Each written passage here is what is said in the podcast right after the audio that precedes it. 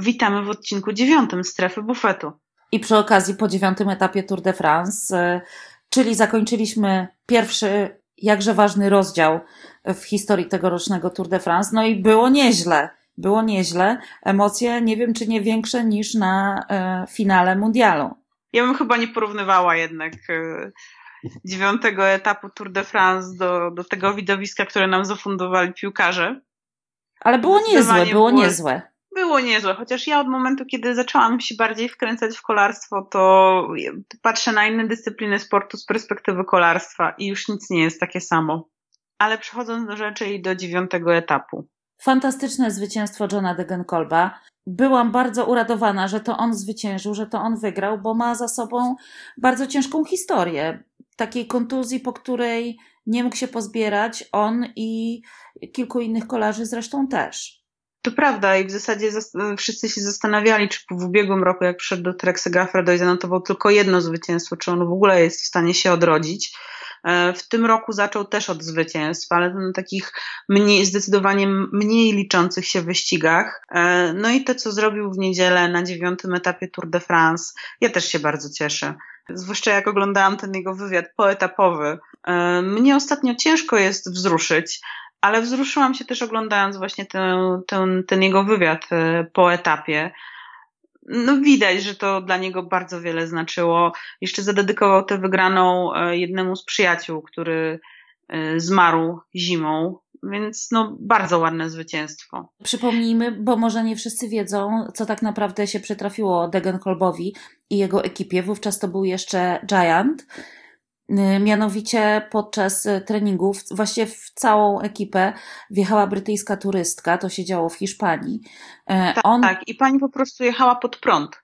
Poszkodowany był m.in. John Degenkolb, poszkodowany Chad był wówczas Chad Haga, Warren Bargill, y, bardzo wielu kolarzy.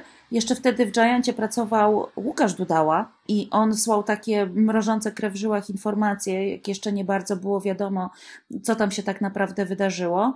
Pamiętam, że też jakby bardzo emocjonalnie przyjęłam ten wypadek i też oni się jakby trzymali razem potem, wspierali się nawzajem. Zresztą y, Chad Haga, który dzisiaj jeździ w Sunwebie, pogratulował serdecznie Degenkolbowi y, tego zwycięstwa na Twitterze, właśnie z tego powodu, że on również był wówczas wśród tych poszkodowanych kolarzy. I jeszcze z cyklu mało znany fakt odnośnie Johna Degenkolba, to w 2015 roku wygrał Paryż-Roubaix, ale ciekawe było to, że wraz z nim o wygraną tak naprawdę na samym końcu tego wyścigu walczyli właśnie Avermaet, Lampard, e, no i Sztybar. I w niedzielę na tym dziewiątym etapie Tour de France zabrakło tylko Sztybara. No, historia lubi się powtarzać z jakimiś e, małymi elementami odróżniającymi od tego, co było. Nie, ale bardzo fajnie myślę, że, że to mu pomoże się też odbudować psychicznie.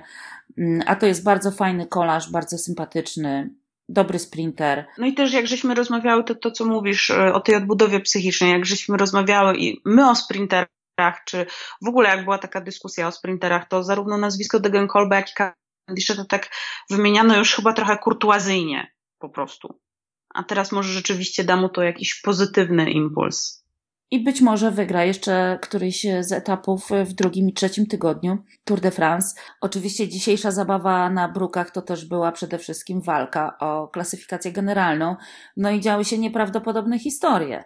No działy się to nie... Port na to 7 kilometrze. Richie Port to odnośnie tego, że historia lubi się powtarzać, tak? Ale to w tym wypadku E, dosyć niefortunnie. Ja ci powiem, że jak zobaczyłam i usłyszałam to, że, że Richie Port e, jest już poza Tour de France, jest już poza wyścigiem, to przez myśl mi przeszło kto następny. Bo przypomniał mi się ten etap dziewiąty z ubiegłego roku, kiedy został wykoszony Port, kiedy e, został wykoszony Geraint Thomas, Rafał Majka, no tam był pogrom po prostu.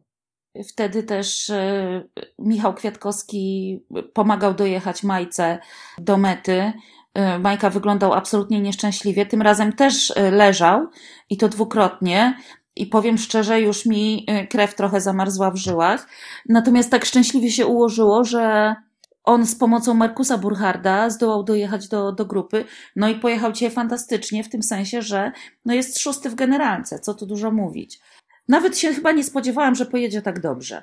No właśnie miałam to samo powiedzieć.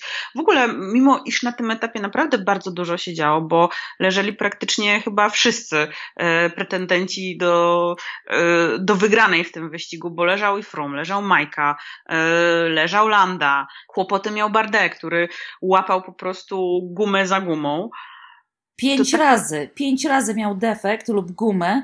Pakowałam się do podróży i patrzę, a tu Bardet goni peleton, za chwileczkę niby doszedł, zaglądam e, znowu, patrzę w telewizor, a tu Bardet znowu goni. Mówię, co on goni? Dlaczego on goni? Czy to jest powtórka? Nie, drugi raz goni. To było nie, niesamowite zupełnie. Też duża odporność psychiczna, zorganizowana ekipa, która mu bardzo e, w tym pomagała. Trzeba też powiedzieć, że tutaj, jeśli chodzi o opiekę nad Majką, to ona też była bardzo dobra. Muszę powiedzieć, że jestem pod wrażeniem tego, że Landa i Bardet stracili tylko 7 sekund do tej grupy głównej, bo wydawało się, że oni też poniosą duże straty, takie chociażby jak Uran, którego mi trochę szkoda, no ale trudno, będzie miał co odrabiać. A tak chciałam powiedzieć, że właściwie nie leżał chyba tylko Alejandro Valverde z tych głównych graczy. Trochę żartuję oczywiście. Też Geraint Tomas też Geraint? nie leżał, ja co jestem jest... Właśnie, jestem właśnie bardzo tak też na plus zaskoczona Geraintem Tomasem, bo jak sobie ostatnio rozmawiałyśmy tak nawet off the record, e, to ja tak nawet wysuwałam taką teorię, że, że Bruki mogą pokonać Gerainta zważywszy na ten jego pech, ale też nie zapominajmy, że kiedy e, podczas Tour de France w 2010 roku były bruki, to Geraint Thomas przyjechał jako drugi, zaraz za Torem Huszowtem, a przed Kadelem Evansem. No więc e, on jakieś tam doświadczenie brukowane ma, no i tym razem dopisało mu szczęście, albo mówiąc inaczej, no nie miał pecha który mu się ostatnio mm, często przydarzał. Ja bardziej bym się skłoniła do tego stwierdzenia, że po prostu e, karma szukała gdzie indziej. Trochę mi szkoda tego Richiego Porta. I to jeszcze było naprawdę no, na siódmym kilometrze, na asfalcie, przed tymi brukami, zanim się wszystko zaczęło.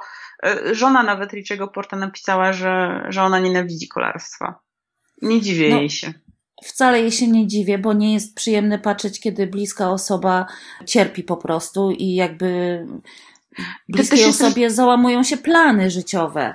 Przecież przygotowywał się do tego Tour de France długo.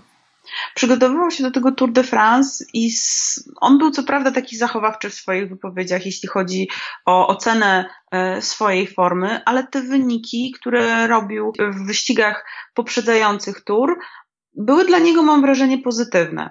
No i też jakby sytuacja analogiczna z ubiegłego roku. On w ubiegłym roku po tej kraksie wrócił dopiero pod koniec października na jakimś, bodajże to był jakiś Japan Cup, czy wyścig właśnie gdzieś w Azji, którego i tak nie ukończył, więc de facto już cały sezon ma, no ma w plecy chłopak.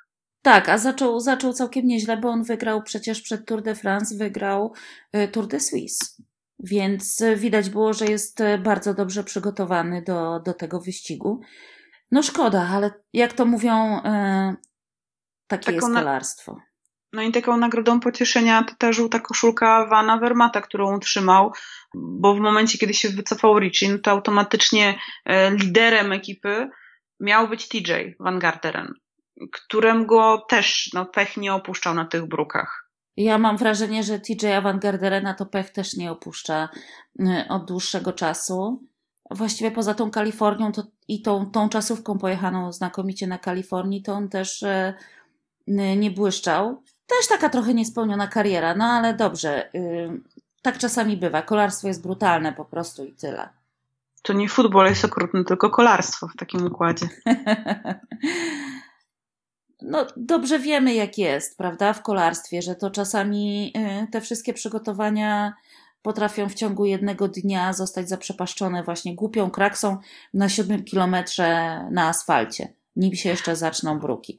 Inna Dobrze. sprawa, że było nerwowo, prawda? No to też zawsze dokłada jednak było nerwowo, ale mam wrażenie, że to było takie trochę nerwy, nerwy kontrolowane. Patrząc po tym, e, właśnie patrząc na tę klasyfikację generalną, na tę pierwszą dziesiątkę chociażby, to ja się spodziewałam przed tym etapem i przed tymi wszystkimi zapowiedziami, że straty e, kandydatów na wygraną do tego wyścigu będą zdecydowanie większe. Też bardzo ciekawe rzeczy się działy e, wśród zawodników, którzy walczą o białą koszulkę. No tak, bo wszyscy podejrzewali, że Egan Bernal to ma w ogóle autostradę po białą koszulkę. Tymczasem on jest y, na, w tej chwili w tej klasyfikacji na miejscu ósmym, ale ma 16 minut straty y, do y, Serena Andersena, który był takim trochę odkryciem tegorocznym. Trudno powiedzieć, jak sobie ten młody zawodnik poradzi w takich naprawdę górach, ale tutaj też czai się Pierre Latour, który góralem jest całkiem niezłym, 7 minut, y, ponad 7 minut straty do Andersena. No i myślę, że tutaj y, Pierre Latour, o ile oczywiście jego ekipa G2R nie wyznaczy mu jakichś innych celów, y, to być może ma szansę, ponieważ ta jego przewaga nad Bernalem to jest w tej chwili prawie 10 minut. Więc myślę, że tu będzie, będzie bardzo ciekawie na, na, na następnych etapach. Będzie piękny wyścig. O białą koszulkę, tak.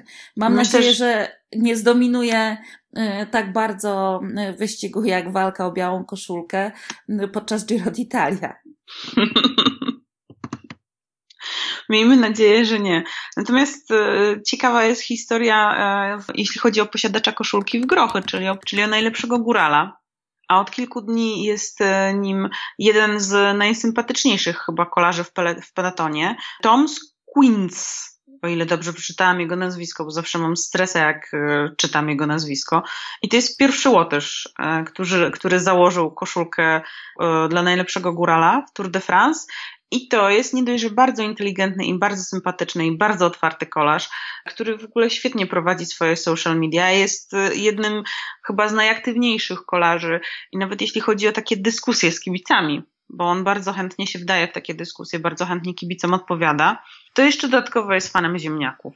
To znaczy? A ja też bardzo lubi lubię ziemniaki. Aha, okej. Okay. No I faktycznie to trochę nietypowe, nietypowe wśród kolarzy. Ale on w ogóle jest taki, jeśli chodzi o dietę, to on tak bardzo lubi warzywka, e, ciecierzycę, bardzo taki jest, e, ma tę dietę taką bardziej sfokusowaną właśnie i opartą na warzywach, z tego co tak go podglądam na Instagramie. On też y, uległ takiemu strasznemu wypadkowi podczas Kalifornii w ubiegłym tak. roku. Wszyscy za niego bardzo trzymali kciuki, wyglądało to strasznie. Potem się okazało, że on jechał i ze złamaniem, i z wstrząśnieniem mózgu. No to taki naprawdę bohater. A w tym on, roku on, on wygrał się... przecież etap tam na Kalifornii właśnie, co też było tak. dla niego bardzo, bardzo istotne. Tak, on się po prostu wręcz wtedy, ja pamiętam, że on się wręcz osunął z roweru, po prostu tak jakby zasłabł, stracił przytomność podczas jazdy na rowerze. No, niektórzy, y, niektórzy widziałam takie żarty, oczywiście przy, przy okazji mundialu, nie brak takich żartów z tego, jak bardzo y, piłkarze symulują swoje kontuzje, a jak y, mało kolarzy symulują swoje kontuzje. I po jednym z takich zdjęć, gdzie kolarze leżeli na brukach, to ty napisałaś na Twitterze, że Neymar w takiej sytuacji doturlałby się do mety. A jedno z tych zdjęć przedstawiało m.in. E, Rafała Majkę, po którym przejeżdża Olivier Neasen. Straszne zdjęcie, natomiast szczęśliwie Majka twierdzi, że nic mu nie jest. Podobny komentarz e, do tego zdjęcia, o którym mówisz, napisał Kamil Wolnicki, a ja rzeczywiście też e, poddałam wątpliwość fakt, czy Neymar dałby radę się doturlać do tej mety, ale z, po prostu wrzuciłam zdjęcie Rafała udzielającego wywiadu Adamowi Proboszowi po etapie, bo też wyglądał na człowieka bardzo zmęczonego. Wszyscy wyglądali na bardzo zmęczonych i te twarze takie mm, zasypane tym pyłem. Jak nie było to, pył, nie ma, nie ma dobrych rozwiązań e, na brukach. Ale to też jest tak, że oni tak narzekali, narzekali, a Dan Martin na przykład wrzucił taką piękną fotę, gdzie są wszyscy tacy uchachani z podpisem That was awesome. Więc oni tak niby narzekają, niby narzekają, ale po tych brukach lubią jeździć, mam wrażenie. To Maniek Wiesz przecież co? też się bardzo tak pięknie uśmiechał. Po prostu miał tak śnieżno-biały uśmiech na tym zdjęciu poetapowym, że aż mnie korciło, żeby mu tam coś skomentować. E, zwłaszcza też, że z kolei wrzucił takie instastory z wnętrza autobusu Lotto Sudal ze znamiennym podpisem, że dziś kolarze idą na masaż prostaty. No tak, Maniek lubi sobie żartować i przekraczać granice, jak to, jak to Tomasz Marczyński, bo mówimy o Tomaszu Marczyńskim, znanym dowcipnisiu. Mm, natomiast ja myślę, że oni to traktują jako wyzwanie i kolarz, który dojedzie bezpiecznie w pierwszej grupie, nie straci, to może sobie naprawdę gratulować. Więc e, ci wszyscy, którzy i zwyciężyli, i dojechali w jednym kawałku, są po prostu bohaterami. A ten nieszczęsny Dan Martin, który był e, poobijany, również nie stracił tym razem i też jest dla mnie wielkim bohaterem. To jest przesympatyczny kolarz i widać było, że, że trochę cierpi, bo musiał cierpieć, e, a mimo to dojechał w jednym kawałku. To jeszcze można podciągnąć w sumie pod wątek Neymara i pod to, co teraz mówisz, e, bo jest taki kolarz, który też się wykrzaczył już na pierwszym etapie i to w dodatku nomen omen w strefie bufetu. E, I jest to Lawson Craddock, który jedzie bodajże z, cały czas z pękniętą łopatką. I najpierw się mówiło, że on tak miał dojechać, żeby pomóc ekipie w czasówce drużynowej, no ale on tak jedzie, jedzie, jedzie. Jestem bardzo ciekawa, czy we wtorek też go zobaczymy na starcie. A Lawson Craddock przy okazji próbuje przekuć tę swoją kontuzję w coś dobrego.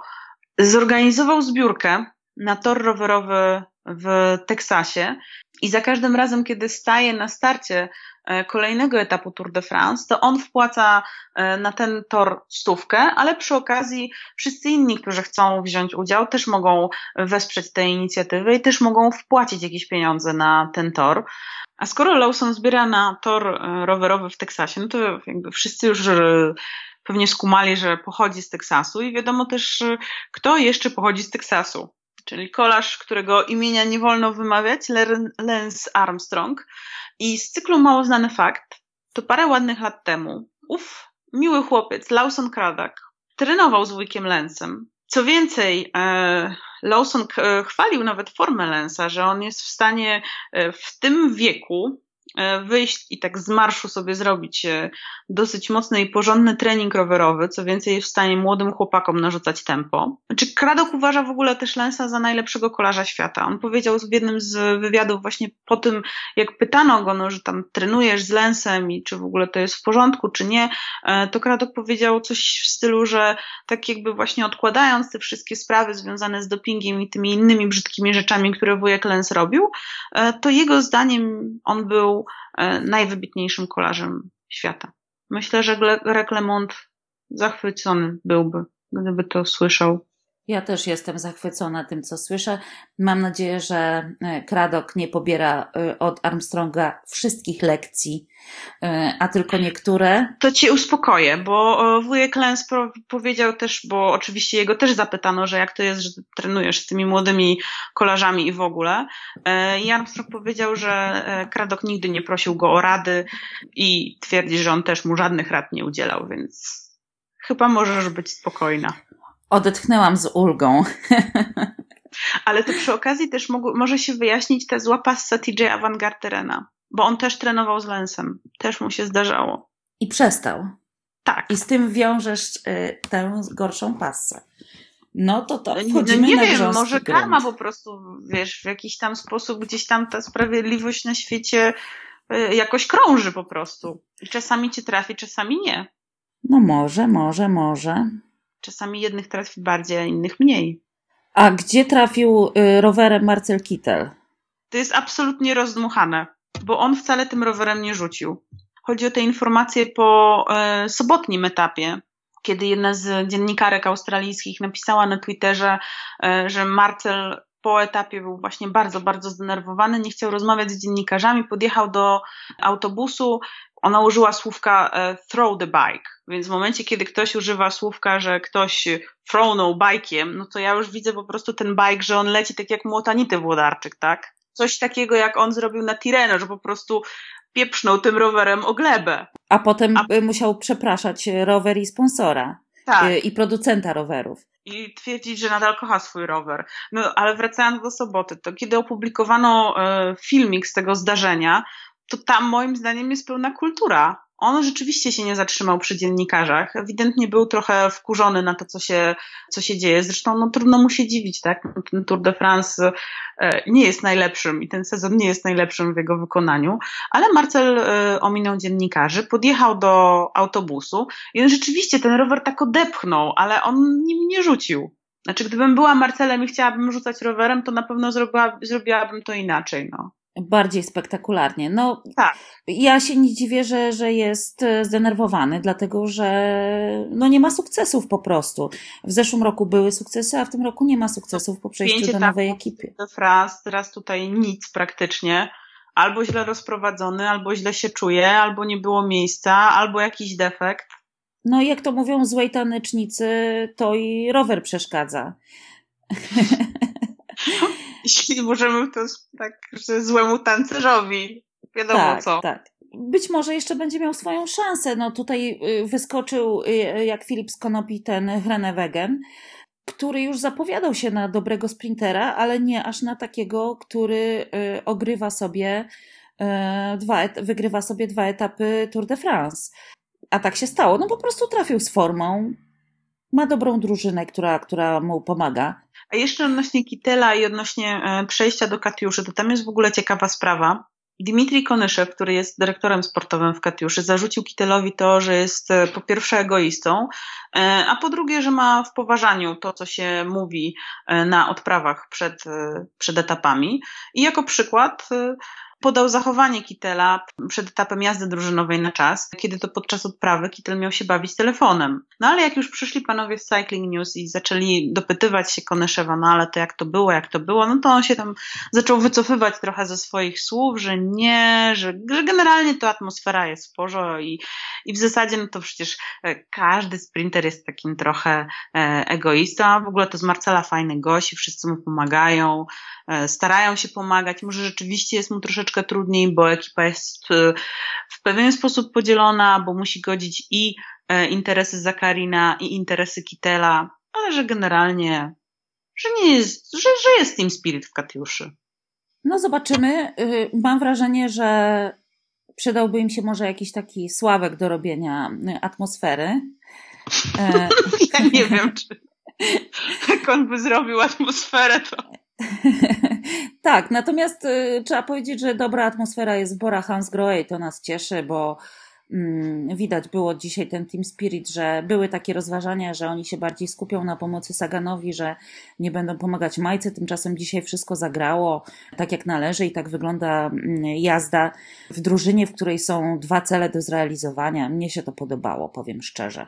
W ogóle mi się wydaje, że im to gra od, w sumie od samego początku ta polska mafia w Bora Hansgrohe to jest e, właściwie polsko-słowacka mafia, e, tak to trzeba e, nazwać. Wszyscy mówią po polsku. Zresztą Peter Sagan, jak był w zeszłym roku, udzielał wywiadów po polsku, wtrącając jakieś tam pojedyncze słowackie słowa, więc to widać, że, że, że jest fajnie, tak, że jest sympatycznie. Moje ulubione sformułowanie Petera Sagana. We will see. We will see day by day. Tak, I don't know. Tomorrow is the stage. We will see tomorrow. Sagana zawsze podejrzewałam o to, że ma zdolności aktorskie, bo kręcił takie filmiki y, najrozmaitsze, ale ten, gdzie pokazywał, y, w jaki sposób wygrał Paryż-Roubaix, jest genialny. Jeśli ktoś nie widział, to powinien zerknąć na y, profil Petera Sagana i tam ten filmik jest. No kapita kapitalnie zagrał łącznie z rzucaniem rowerem e, w ostatecznym sprincie i z podnoszeniem rąk do góry. A odnośnie Petera Sagana, to bardzo ciekawe zdjęcie też jest na e, profilach społecznościowych Tour de France. Właśnie jest Sagan po etapie i ma takie po prostu rewelacyjnie czyste dłonie. Jest to tak fenomenalnie po prostu odcięte od reszty ciała, że też polecam zobaczyć. No dobrze, to e, porozmawiałyśmy trochę o różnych sprawach związanych z klasyfikacją generalną, z ostatnimi etapami, a czas powiedzieć o tym, co nas czeka w najbliższym tygodniu, czyli zaczynamy góry, góry, góry, góry. I tak myślę sobie, że ten pierwszy etap po dniu wolnym może być dla kilku kolarzy ciężki, bo zazwyczaj po dniu wolnym jest ciężko. Się, jest ciężko, ktoś się wykrzacza, ktoś nie daje rady.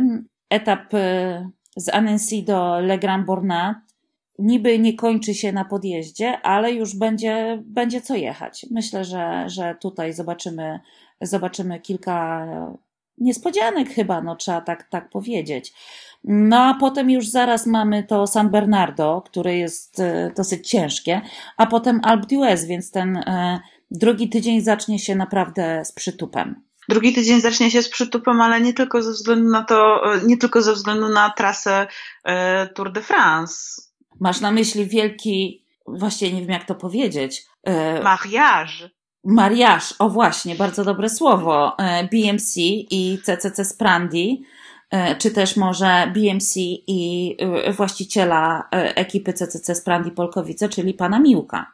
Bo tak naprawdę nie znamy jeszcze szczegółów tego dealu, do którego ma dojść. BMC, które pozostawało bez sponsora Pańskie. na przyszły rok, tym sponsorem ma być właśnie firma CCC. Tak, Powstanie ja... w związku z tym team kolarski w kategorii World Tour, w którym będą, będzie polski kapitał. No to jest taka wielka rzecz, do tej pory w historii to nie miało miejsca. I tak może powiedzmy sobie od razu, że mm, zrobimy chyba taki odcinek specjalny poświęcony y, y, temu mariażowi, y, w momencie, kiedy poznamy więcej szczegółów.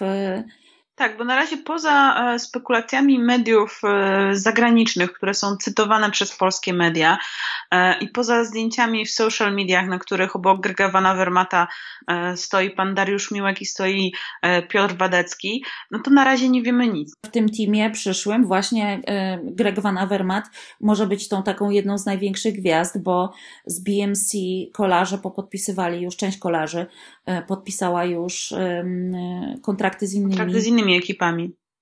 Pytanie, co z tymi, którzy jeszcze nie podpisali? Czy oni zostaną w tym teamie? Czy szanse zaistnienia w tym teamie będą mieli polscy kolarze, tacy jak chociażby Alan Banaszek? Mam, mam nadzieję, że tak. No, nie wyobrażam sobie, żeby stało się inaczej. E, I myślę, że to jest też wielka szansa dla tych młodych kolarzy, bo od wielu lat się mówiło o tym, że e, właśnie ta młodzież jakby nie ma gdzie rozwijać swojego talentu, bo ciężko jest im się przebić e, do ekip francuskich, hiszpańskich a tu będzie ekipa, no częściowo polska, no powiedzmy, e, nie bójmy się słów, jak mawia redaktor Wyżykowski. To ja, ja poczekam. Najważniejsze są tutaj szczegóły e, tego, jak ten deal ma zostać zawarty, e, kto będzie grał w nim pierwsze skrzypce i czy będzie dodatkowy sponsor, bo to też ma znaczenie tak naprawdę, no chyba do tego, co powiedziałaś, nie ma tutaj nic do dodania, bo, bo nie mamy szczegółów, tak? Będziemy się wypowiadać, będziemy e, dywagować w momencie, kiedy te informacje oficjalne się pojawią. Zrobimy po prostu odcinek specjalny, bo myślę, że polski kapitał w WebTurze zasługuje na to, żeby e, pokrótce omówić szczegóły mariażu. Myślę, że gdzieś we wtorek, może w środę. Taki odcinek kolejny. Taki pomarańczową, taką pomarańczową strefę bufetu zrobimy. CCC mm, zawsze było bardzo chwalone za swój image e, i nawet kiedyś tak, dostało jakąś nagrodę. Tak, ale dostało bardzo kiedyś dobrze. nagrodę za, za konsekwencje w, w tych malowaniach i w tym wykorzystywaniu tego pomarańczowego koloru. Wcześniej pomarańczowym teamem był Euskaltel Euskadi, czyli taki team z kraju Basków, ale CCC jakby weszło z tym pomarańczowym zupełnie inaczej i, i się przyjęło, jest rozpoznawalne. No zobaczymy, zobaczymy. Ja jestem bardzo ciekawa i, i nie mogę się doczekać szczegółów. No dobrze, to dowiemy się wszystkiego. Nie chcę używać tutaj sformułowania czas pokaże, bo za sformułowanie czas pokaże, jak ja przychodziłam do pracy, e, to ucinali łapki, premie i wszystko, co można tylko było uciąć. Więc nie powiem, że czas pokaże. Zobaczymy. We will see.